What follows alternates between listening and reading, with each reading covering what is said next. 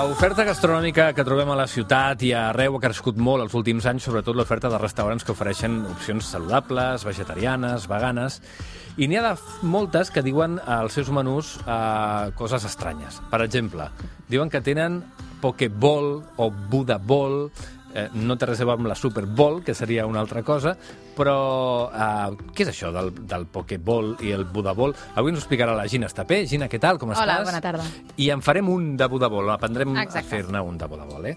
eh? Jo és que ja... Jo que sé de les modes, ja saps que de vegades, perquè el Pokéball per- és, és un bol amb, amb què a dins? Amb menjar, no? I para de comptar, o no? Sí, o és sí, més sí. elaborat? Bueno, té, té, la seva, té la seva composició i la va, seva gràcia. Va, va, va, anem, és que jo de vegades amb això sóc una mica escèptic, però ja m'interessa. Què és un Pokéball, per exemple, Gina? Mira, un Pokéball, perquè sapiguem una mica d'on ve, és un plat d'origen hawaià que recorda molt al sushi perquè els ingredients són molt semblants. Ah. Perquè conté arròs, peix cru, algues i vegetals. Perfecte. Que, al final és com un sushi però posat en un bol. Per Com tant, si és un plat complet. És un plat complet, Sempre. sí. Sempre. Complet volem dir que conté els macronutrients eh, essencials que necessitem eh, en un àpat, eh? Ah, exacte.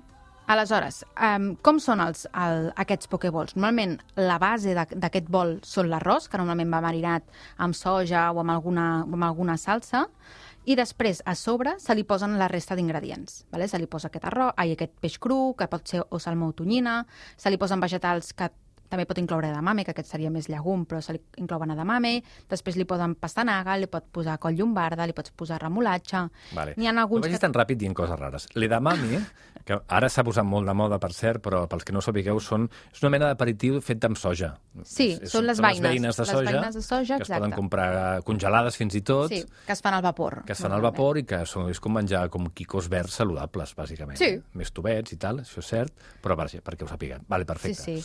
I després fins i tot n'hi ha alguns que li posen fruita, com mango, papaya... És a dir, aquí, el de sobre es pot variar. Sí que és veritat que ara hi ha molts restaurants que amplien, que han adaptat no, aquesta preparació als seus restaurants, aleshores és una mica com un bufet entre cometes que tenen tot posat, les diferents varietats, i tu tries una mica què t'hi poses. L'original és amb peix cru, però sí que és veritat que ara aquí podem trobar opcions amb tofu, podem trobar opcions amb tempe, podem trobar inclús hi ha alguns que ho fan amb pollastre, que ja, ja, ja no Bueno, tant un pokebowl, Però, però... mantenen el concepte d'una proteïna animal, no? Exacte. La verdura, l'arròs... I la base de l'arròs. I tot plegat. I a partir d'aquí ja hi ha variacions. Exacte. Ja sabem una cosa més.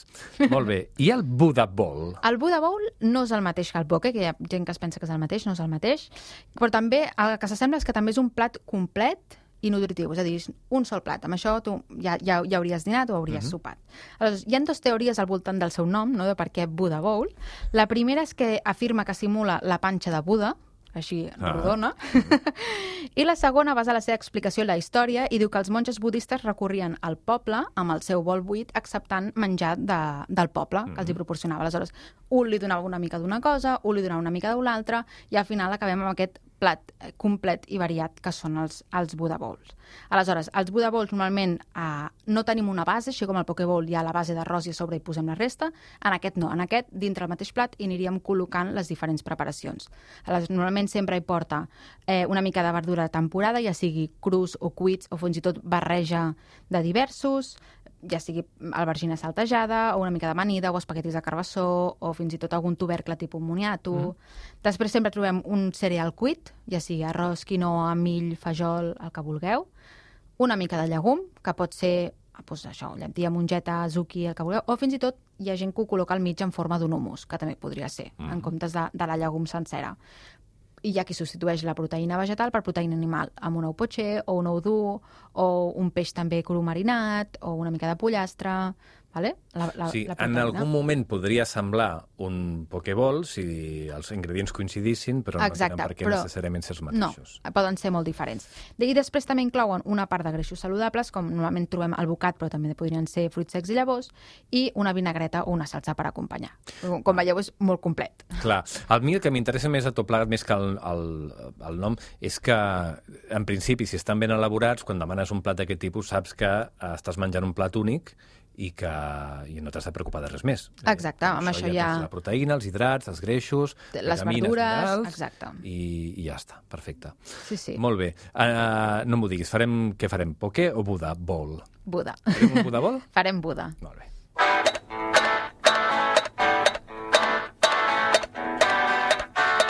La recepta de la Gina.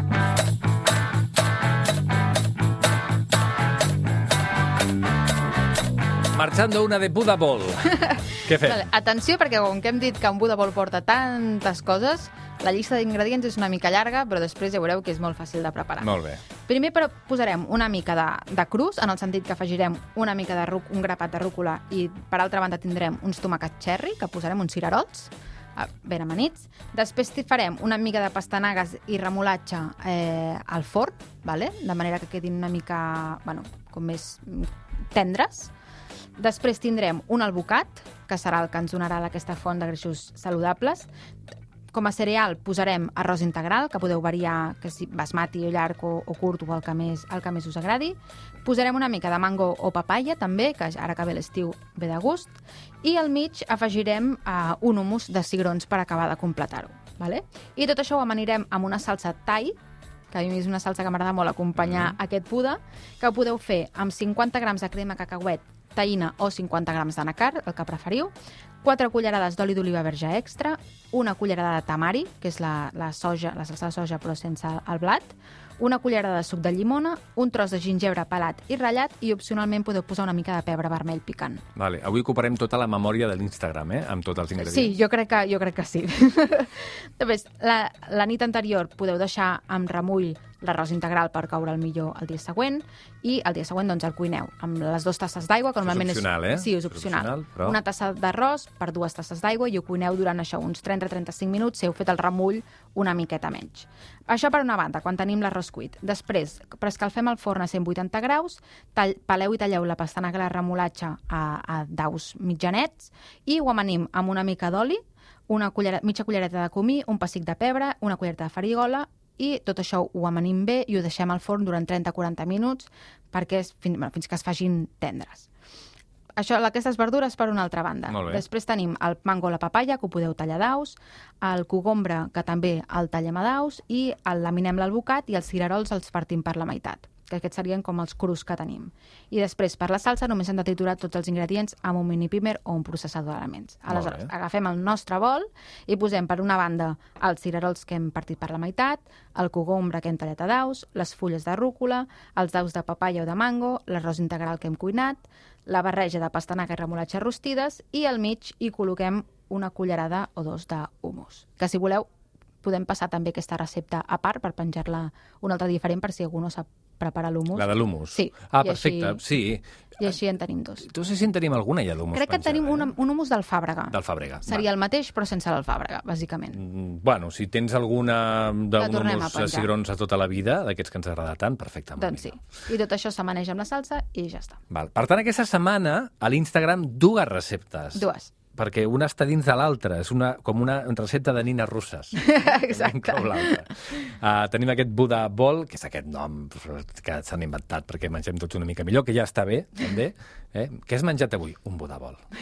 Ah, molt bé. Sona bé, sona molt bé. En canvi, Bon si dius, modernet. Mira, he menjat arròs integral i he posat llegums i després he afegit també unes verdures i una mica de fruita i tal, no mola tant. Molt bé, però la qüestió és que estiguem tots contents amb el que mengem i si té noms guais, doncs encara millor. Tenim una recepta del Buda Ball penjada a l'Instagram del programa, arroba Sants i Estalvis. Gina, moltes gràcies. A vosaltres.